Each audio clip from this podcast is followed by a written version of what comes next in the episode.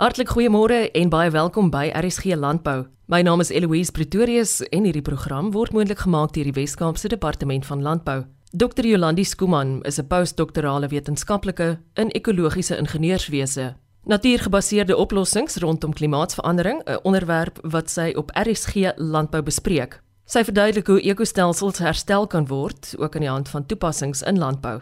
Ons bekyk werksgeleenthede in die verband. Sy verduidelik daarby wat 'n reëntuin is. Ons hele navorsingsveld is maar gesetel in ekologiese ingenieurswese en dit is maar basies dit kom daarop neer om hierdie skep van volhoubare ekostelsels weet tot voordeel van die mens, die gemeenskap en natuurlik die natuur ook. En as 'n mens kyk op 'n landskapvlak, dan kyk ons na ekologiese ingenieurswese, weet om alles basies in mekaar te sit soos 'n soos 'n soos 'n legkaart. En dan as ons nou op mikroskaal en in hierdie plek inzoom, dan kyk ons maar basies na natuurgebaseerde oplossings. En dit is dan waar ons ekostelsels herstel, ons regenereer dit, ons sit prosesse terug wat daar weet verlore is. En sodoende is ons verbintenis en die dienste wat ons dan van ekostelsels kry beter en dit beïnvloed natuurlik ook ons gesondheid. So ons navorsing is in daardie veld en ons basies ons navorsing kyk dan spesifiek na natuurgebaseerde oplossings ook en om dan tegnologie te ontwikkel vir verskeie sektore. Geef my 'n praktiese voorbeeld van natuurgebaseerde oplossings basiese natuurgebaseerde oplossing is soos 'n kunsmatige vlei land. Dit kan selfs 'n reëntuin wees. Dit kan 'n groen dak wees of 'n groen muur wees. So ons kyk na verskeie tipe natuurgebaseerde oplossings wat selfs bakterieë insluit. Weet ons gebruik plante om kontaminante uit waterbronne uit te haal, uit die grond uit te haal. Ons kan bakterieë gebruik om grond se kwaliteit te herstel, dat dit weer al die lewens en die prosesse aan mekaar sit. So daai is voorbeelde van natuurgebaseerde oplossings um, wat ons aanwerk. Wat is 'n reëntuin? 'n Reëntuin is byvoorbeeld iets wat jy sal implementeer as jy op 'n area bly en jou grondwatervlakke is byvoorbeeld baie hoog. So jy kan as daar vloede kom, dan is daar redelik weet baie ernstige skade um, veropstel in sekere areas. Maar dit is waar jou watertafel hoog is, jou jou grond hou baie van hierdie water vas. So jy moet 'n spesifieke tuin aanbring dan om basies daai impak van al daai water te kan kan mitigeer en te bestuur. Hoe is hierdie navorsing van waarde vir boere? Ek dink die navorsing is van groot waarde vir boere want ons kyk na toepassings in presisie landbou, ons kyk na klimaatintelligente landbou, ons kyk na sirkulêre landbou, ons kyk selfs na volhoubare intensifisering waar ons vlei landstelsels, natuurlike vlei landstelsels weer kan omskep in ten volle funksionele vleilandstelsels wat water kan behandel en wat die ekostelselsstrukture half weer aan die gang kry. En dan natuurlik ook in grondgesondheid en algehele omgewingsstimuleering. Wat sou jy sê gaan die volgende fase van hierdie betrokke navorsing insluit? Weet jy, ek dink dit gaan die natuur weergawe nommer 2 wees. En dit sluit in basies waar ons werk aan superbakterieë waar ons na chemikalieë kan weet hanteer soos hierdie vir ewige chemikalieë. Ek dink jy het seker al baie van dit in die pers gelees nou onlangs wat hierdie poly en perfluoroalkyl komponente is wat hulle sê net nie vernietig kan word nie. En daai tipe komponente is nou wyd versprei. Internasionaal maak dit nou groot ophef en hierdie tipe bakterieë wat ons dan beoog om te ontwikkel kan daardie chemikalieë basies verorber. En dan kyk ons na megaselle van ekostelsels wat ons kan bou waar ons dit bou op weet vanaf mikroskopiese vlak. En dit is maar net met die doel dat ons impakte is so groot. Dit gebeur so vinnig en die natuur het nie daardie veerkragtigheid om dit so vinnig te kan regstel nie. So ons help die natuur, ons probeer om hierdie prosesse terug te sit en dit is basies wat ons noem as natuurweergawe 2, sodat ons nader beweeg aan planetêre gesondheid en natuurlik weet volhoubare ontwikkeling, veral in landbou ook. Ek kry die gevoel daar is 'n legio werksgeleenthede in hierdie veld wat jong mense in ons land dalk nie van weet nie. Ongelooflik. Natuurgebaseerde oplossings is 'n veld wat nou groot internasionale weet ophef maak en daar's baie belangstelling na natuurgebaseerde oplossings. Ons kyk in verskeie weet werksgeleenthede, nuwe tipe werksprofiele wat geskep weet geskep kan word. In landbou kyk ons na 'n uh, werksgeleenthede in agrolandbou en organiese landbou, volhoubare en lewendawe bestuur, bewaringslandbou, volhoubare voedselstelsels, plaaslike verbouing. Ons kyk na uitsette van natuurgebaseerde oplossings wat jy kan implementeer in die landbouspasie waar jy dan biobrandstowwe kan vervaardig. Akwakultuurselle veral soos met die alge ook wat ons gebruik om ekostelsels te, te regenereer. En dit sluit alles by hierdie groot bio-intelligente ekostelsels wat ons aan die einde van die dag wil skep wat almal deel is van mekaar en groot gedeelte daarvan is die ekologiese en die entrepreneursiese ekostelsels wat geskep word as deel van dit. So ons is baie opgewonde oor al hierdie moontlikhede in die toekoms. Waar kan ek meer oor die saak te wete kom en aan wie rig ek potensieel vra? Jy kan vra rig aan Professor Paul Oberholster. Hy is die direkteur van die Sentrum van Omgewingsbestuur aan die Universiteit van die Vrystaat. Ons het 'n spesifieke webblad en dit is by www.naturebased.co.za. Daar is ook kontakinligting daar as daar enige iemand is wat sou verder belangstel om iets te weet. Een ding wat ek regtig wil vinnig noem is dat ek dink nie ons besef regtig hoe kragtig hierdie natuurgebaseerde oplossings is nie. En ek wil graag een voorbeeld van van hierdie natuurgebaseerde oplossings aan julle bekendstel wat ek dink nie baie mense van weet nie. So ons het 'n rukkie terug 'n uh, natuurlike vlei-landstelsel gevat in die Witbank omgewing wat onderhewig was aan suurmynwater. Dit is basies 'n uh, mengsel van van al hierdie hierdie hierdie waters wat vlei-lande degenereer. So dit is van industrie, dit is van mynbou natuurlik landbou ook. En ons het sekere aanpassings gemaak, ekologiese ingenieursgebaseerde aanpassings. Aanvanklik was 1.7 miljoen rand belê in hierdie vlei-land deur verskeie beleggers en die waarde tans in terme waterbehandeling en ekostelseldienste verskaffing is tussen 20000 en 85000 hektaar per jaar oftewel kumulatief tussen 2.6 en 11.4 miljoen per jaar. Nou hierdie is basies nou 'n ekologiese bate en sy waarde is nou tussen 501 tot 763 miljoen bereken as 'n passiewe waterbehandelingseenheid. So, nou hierdie bydrae lê nou op Suid-Afrika se natuurlike kapitaalbalansstaat in terme van waterbehandeling, waar dit nou suurmynwater en industriële en landbouwater kan behandel en dit is bereken die waarde daarvan tussen 130 en 560 miljoen rand. En ek dink dit is nie altyd dit is altyd belangrik om oplossings daar te stel wat prakties moontlik is en wat ook ekonomies sin maak. En soos die ander voorbeeld wat ek vir jou net kortliks wil gee is algebehandeling waar ons alge gebruik om water te behandel met 'n konstruksiekoste vir 'n bioreaktor van so min as 250 000 rand. Aan die einde van die dag natuurlik ons moet na die ekonomie die ekonomie agter dit kyk, maar ek dink die impak wat ons kan kan regtig kry uit natuurgebaseerde oplossings is nog baie waant ons vorentoe kan gaan met navorsing en bewuswording ook.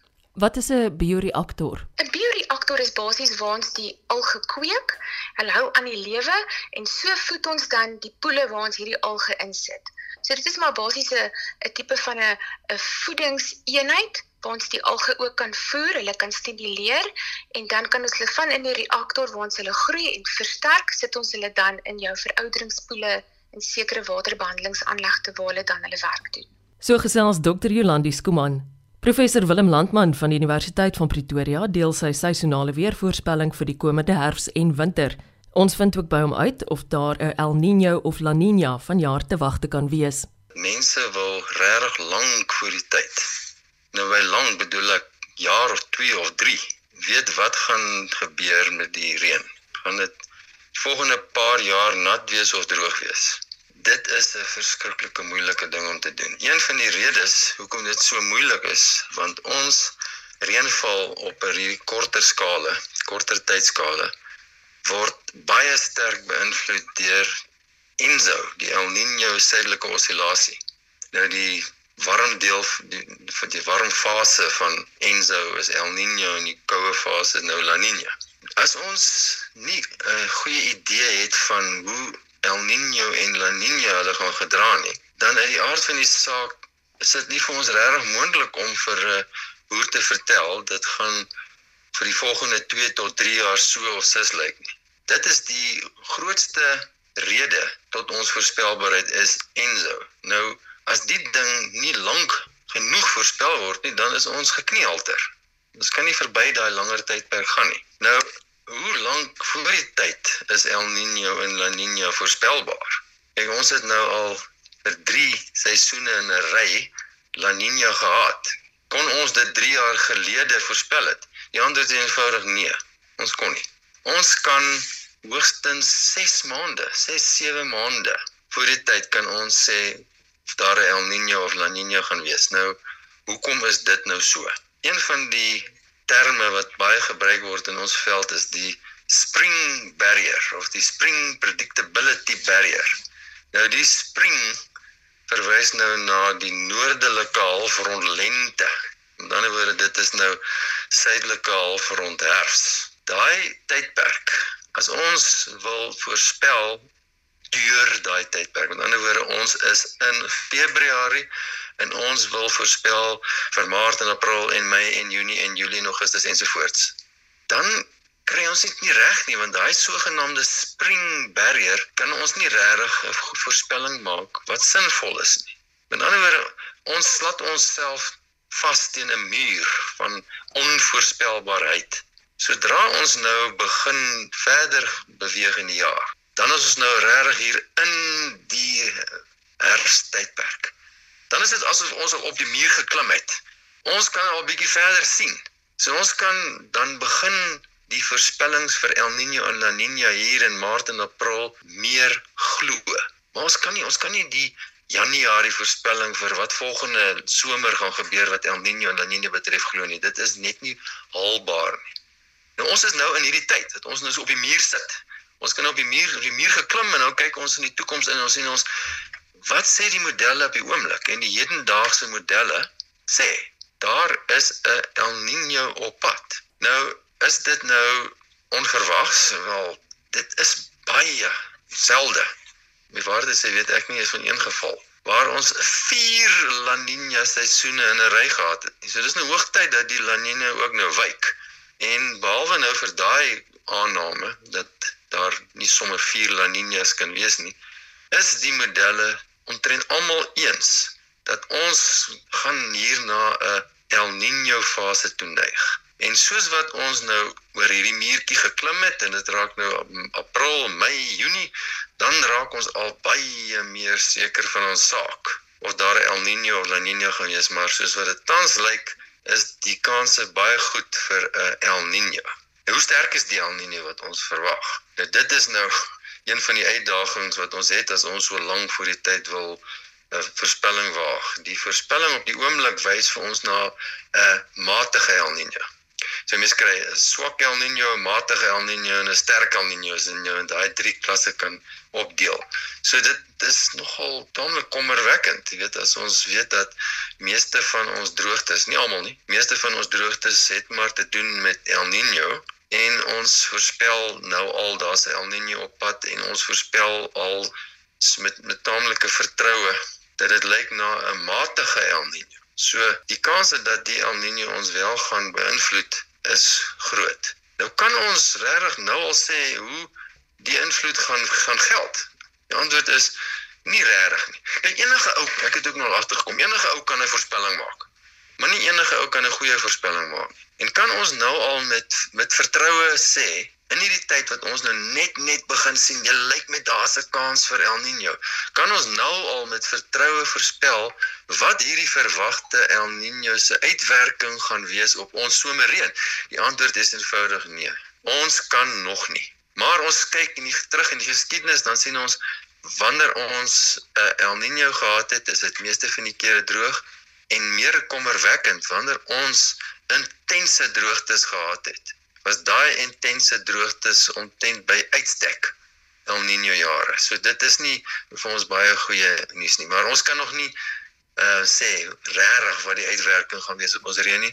Ons kan al reeds met taamlike sekerheid begin sê mense dit lyk vir ons of daar wel 'n El Niño op pad is wat ons gaan ervaar in die 2023-24 somer.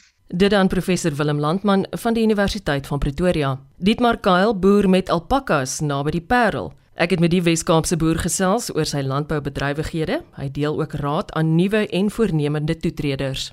Goeiemôre Eloise. Ons het 'n paar lamas en 'n paar uh, kamele ook, so maar die die hoofding is maar die alpakas. Waar is jou plaas? Ons is geleë um, op die Suid-Agterperelpad. So ons is uh, langs aan Landskroon en dan kry Spitsroot en Fairview. So is 'n baie mooi area waar ons is. So baie attraksies in die area. Daar's baie dinge wat gebeur op die plaas. Ek weet mense kan ook daar kom aandoen vir 'n lekker koppie koffie. Vertel my wat gebeur alles daar. Ja, nee, um, ons uh, het hier 'n paar pakkes soos gesê, ons het om en by 350 van hulle. Ja, ons doen 'n hele paar goedjies sodat dit hang maar af hoe jy wil betrokke raak. As jy baie met alpakas wil doen, dan kan ons vir julle alpaka walk aanbied. Um, as jy nou net 'n bietjie uh, inligting wil kry, 'n paar van die plantjies wil sien, dan kan jy op 'n baan toe gaan. Dis waar jy die gids nou vir julle afvat na die skuur en jy sal die hele alpaka familie sien en ons het nou die eerste paar plantjies al hierdie seisoen gekry. So dis dis baie nice om hulle te sien. En as jy nou nie so baie wil doen nie of so, dan kan jy maar net in die koffieshop sit en ons het buite petting zoo waar die kinders kan of ook die die, die uh, volwassenes hulle is ook baie lief om dit te doen. So nou het ek 'n paar oumas gehad wat gesê het nee, dit was die wonder, wonderlikste ding wat hulle kon doen. So dis dis die petting zoo waar jy nou die alpakas kan voer en vir hulle kan ontmoet en en ons het 'n paar ander diere ook daar in die petting zoo. So dis dis dis baie nice om 'n bietjie uh, uh, uit te span sê maar so daar in die petting zoo area ook. So dit hang maar af hoeveel tyd jy het as jy die hele dag wil spandeer kan jy maar die hele dag kom. As jy net 'n paar minute gou die alpakas wil sien dan ja, kan jy maar net inloer en en hulle by die petting zoo gaan ontmoet. Dieter ek verstaan daar's 5 nuwe babas. Is hulle manlike of vroulike diere? Nee, ons is uh, baie gelukkig sover. Is dit 5 oetjies. So is maar ehm um, ja, almal donker kleure wat nou baie gesog is of wat wat wat moeiliker is om te teel. Ehm um, maar ja, nee, alles baie oulik. So ons het nog 45 wat moet kom hierdie seisoen. So in die ou uit sal dit sekerlik uh, 50 50 wees. So gewoonlik is dit maar half wetjies, half rammetjies, maar uh, daai kleie seisoene waar jy meer uh, rammetjies het en dan die seisoene waar jy meer oetjies kry. So uh, dit balance maar uit. Dis woelige diertjies die ek weet hulle is lekker ondeend as hulle klein is en wanneer hulle groot word ook. Ja, definitief, definitief. Hulle is uh, baie oulike diertjies so. Ja, soos enige klein dier, is dit maar ou, ouliker as die groot is, maar alpakas is maar uh, baie oplettende, baie mooi diere om om na te kyk. So oorsee gebruik hulle die alpakas in terapie byvoorbeeld vir gestremde kinders. So hulle hulle is baie saggeaard ja, of jy moet eintlik na die karakter kyk van elke dier self. So jy kry diere wat nou saggeaard is, wat rustig is, dan kry jy diere wat meer oplettend is en en ook ag aggressief kan word. So jy kry diere wat meer nou in in kuddes na skape kyk en en jakkals en rooi katte weghou. Dit hang maar 'n bietjie van die karakter self van die dier af. Jy moet maar kyk as as jy nou 'n dier vir vir die troeteldier soek, dan soek jy daai wat nou meer rustig is. So Dieter, ek verstaan daar word ook geweef op jou plaas. Vertel my meer daarvan. Dis korrek. Ja, ons het uh, van ehm um, 2008 het ons begin om om uh, hand te spin, uh, die wol. Ons self het uh, die alpakas in twee die, die eerstes in 2004 gekry en dan 2008 het ons begin hand te spin en te weef. So ons het nou nog die wewers wat uh, op die plaas is en waar jy kan sien hoe hulle nou serpe maak en pashminas, ponchos, ons het ook 'n eerste was nou um, kombers en sulke goed maak. So jy kan maar kom inloer en en, en sien wat ons doen. Alpaca wol is maar baie goeie vesel, dit is baie sag, dit is bietjie warmer as skaapwol. So dis uh, gelyk staan aan cashmere en die voordeel ook is uh, alpaca kom nou in in baie verskillende natuurlike kleure. Jy kry om en by 12 kleure wat uh, jy um, hier kan registreer in So daai 12 kleure van wit, die bruin is, die fons, die grys is en die swart, dis dis alles hulle natuurlike kleure. So ons probeer maar al die produkte maar so natuurlik te hou soos moontlik. Dit maar grendeltyd het vereis dat jy 'n paar nuwe planne moes maak, nê? Nee? Ja, ach, altyd, altyd. Jy moet maar aanpas as die lewe voortgaan. Moet jy maar altyd aanpas en dit was maar 'n tyd waar jy baie veranderinge moet doen of waar jy gou moet wees om uh, weer besig te of jouself besig te hou en en ook uh, jou besigheid uh, te laat oorleef. So ons ons uh, dink ek het baie goed gevaar vir die tyd het ons maar meestal op ons produkte gefokus.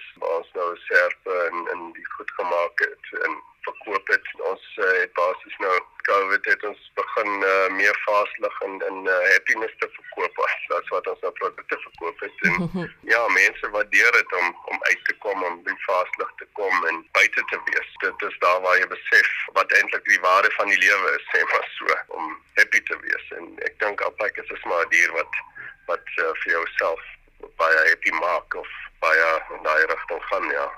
Hoeveel ander alpaka boere het ons in Suid-Afrika? Daar's baie boere wat nou ehm um, paar alpakas het nou vir vir kuddewagters of vir troeteldiere of so hulle hou, maar uh, ja, jy jy kry min boere wat nou so baie diere het soos ons. So ons het nou by 350. Ja, daar's so sê maar 10, 15 wat sê maar 30, 40, 50 alpakas op wat het maar die meeste het maar om en by 5 tot 10 diere. So daar's 'n uh, hele paar mense wat nou begin om om met alpakas te boer.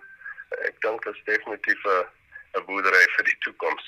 Wat sou jou raad wees juis aan hierdie voornemende alpaka boere? Ja, ek sal maar voorstel jy moet maar uh, kyk wat uh, wat vir jou pas, sê maar so. So Ehm um, daar's baie aspekte waar die alpakas nou eh, 'n uh, voordeel kan wees soos soos gesê, hulle word ge gebruik as kuddewagters om skape uh, te beskerm, as troeteldiere so vir gastehuise of petting zoos of wat ook al. Um, ons het alpakas al aan skole verkoop waar die alpakas nou die die die graskaart hou en en die kinders uh, happy maak. As jy nou na die wolbedryf kyk uh, dis dis nog heel aan die begin so dit dit sal nog 'n bietjie vat om om daar in die gang te kom. Kyk maar kry raad van van ouens in jou area maak 'n draaitjie en dan kan ons gesels as as jy belangstel in in alpaka boerdery. Dan kan ons maar gesels ons kan vir hulle die diere wys en en raad gee maak 'n draaitjie ek weet wat die antwoord is op hierdie volgende vraag wat ek aan jou gaan rig maar ek gaan dit nou namens luisteraars doen wat dalk nie seker is nie Is alpakas gevaarlik?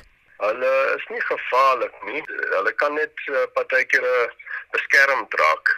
So hulle is baie oplettende diere. So hulle sal gou sien as daar iets aan die gang is in hulle area, as hulle bedreig voel of so dan dan kan hulle vir hulle self beskerm. So dis dis soos 'n trop uh, springbokke sê maar so. So jy kry een alpaka in 'n klein trop en hy beskerm nou die res van die trop. Dit werk nogal goed. So jy kry van hulle waar jy miskien 'n bietjie moet oppas.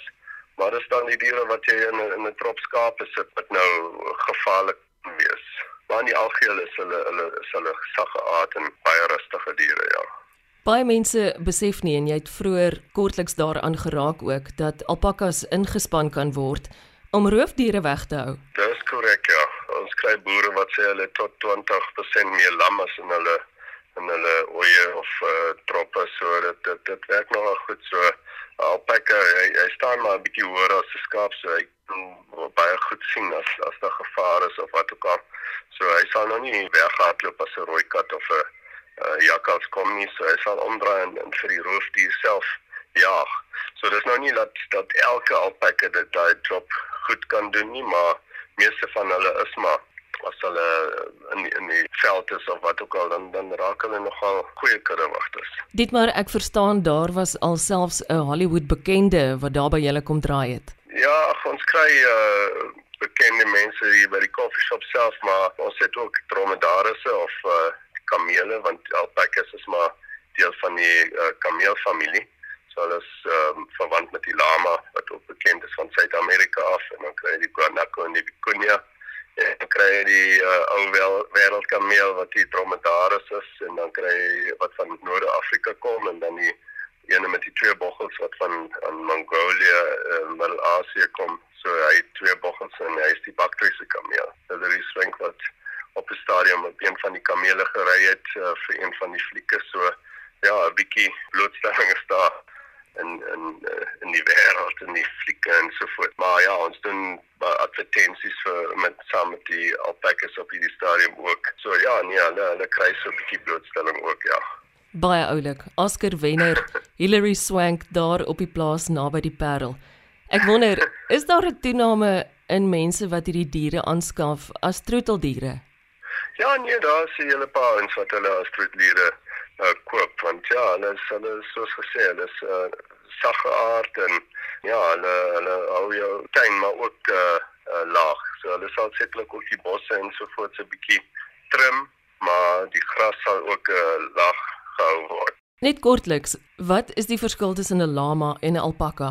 Die lama is groter as die alpaka en hy is maar meer die pakdier waar die alpaka nou meer geteel is vir die wol. So dis nou maar die die groot verskil, ja. Ja, nee, ek ek ek dink die beste sal as as jy wil uitkom, uh, maak 'n draaitjie hier op die plaas. Ons doen die toere elke dag op die uur, elke uur so uh, as jy um die toer wil doen en as jy 'n alpaka walk wil doen, dan moet jy dit uh, kom doen, maar dit moet jy bespreek. En uh, ja, die petting so ook die hele dag oop so maak 'n draaitjie of uh, ja, stuur 'n e-pos uh, ons webwerf is alpacas.co.za. Bel vir my as daar enige vrae is. Ja, maar beste sal wees om die diere self self te ondervind en en uit te kom en uh, rustig met hulle te gesels met die diere en dan as as daar vrae is met ons ook of met ons toergidse so ja, enige tyd maak 'n draaitjie ons op elke dag van 9:30 tot 5:30 en ehm um, so julle kan maar net inloer as julle wil. Uh die plaas se naam is Alpaca Loom. Dit is op die Suid-Agterperepad en ehm um, ja, Alpaca Loom, Loom, ek weet jy baie mense vra vir my wat dit beteken. Loom is 'n weefstoel. So dis dis waarvan dan die naam kom. Alpaca boer Dietmar Kyle. Baie dankie dat jy ingeskakel het vir vanoggend se program. Luister gerus weer daarna wanneer jy dit maklik vind op www.elsenburg.com. Ek is Eloise Pretorius en ek sien daarna uit om môre om 12:15 weer saam met jou te kuier. Totsiens.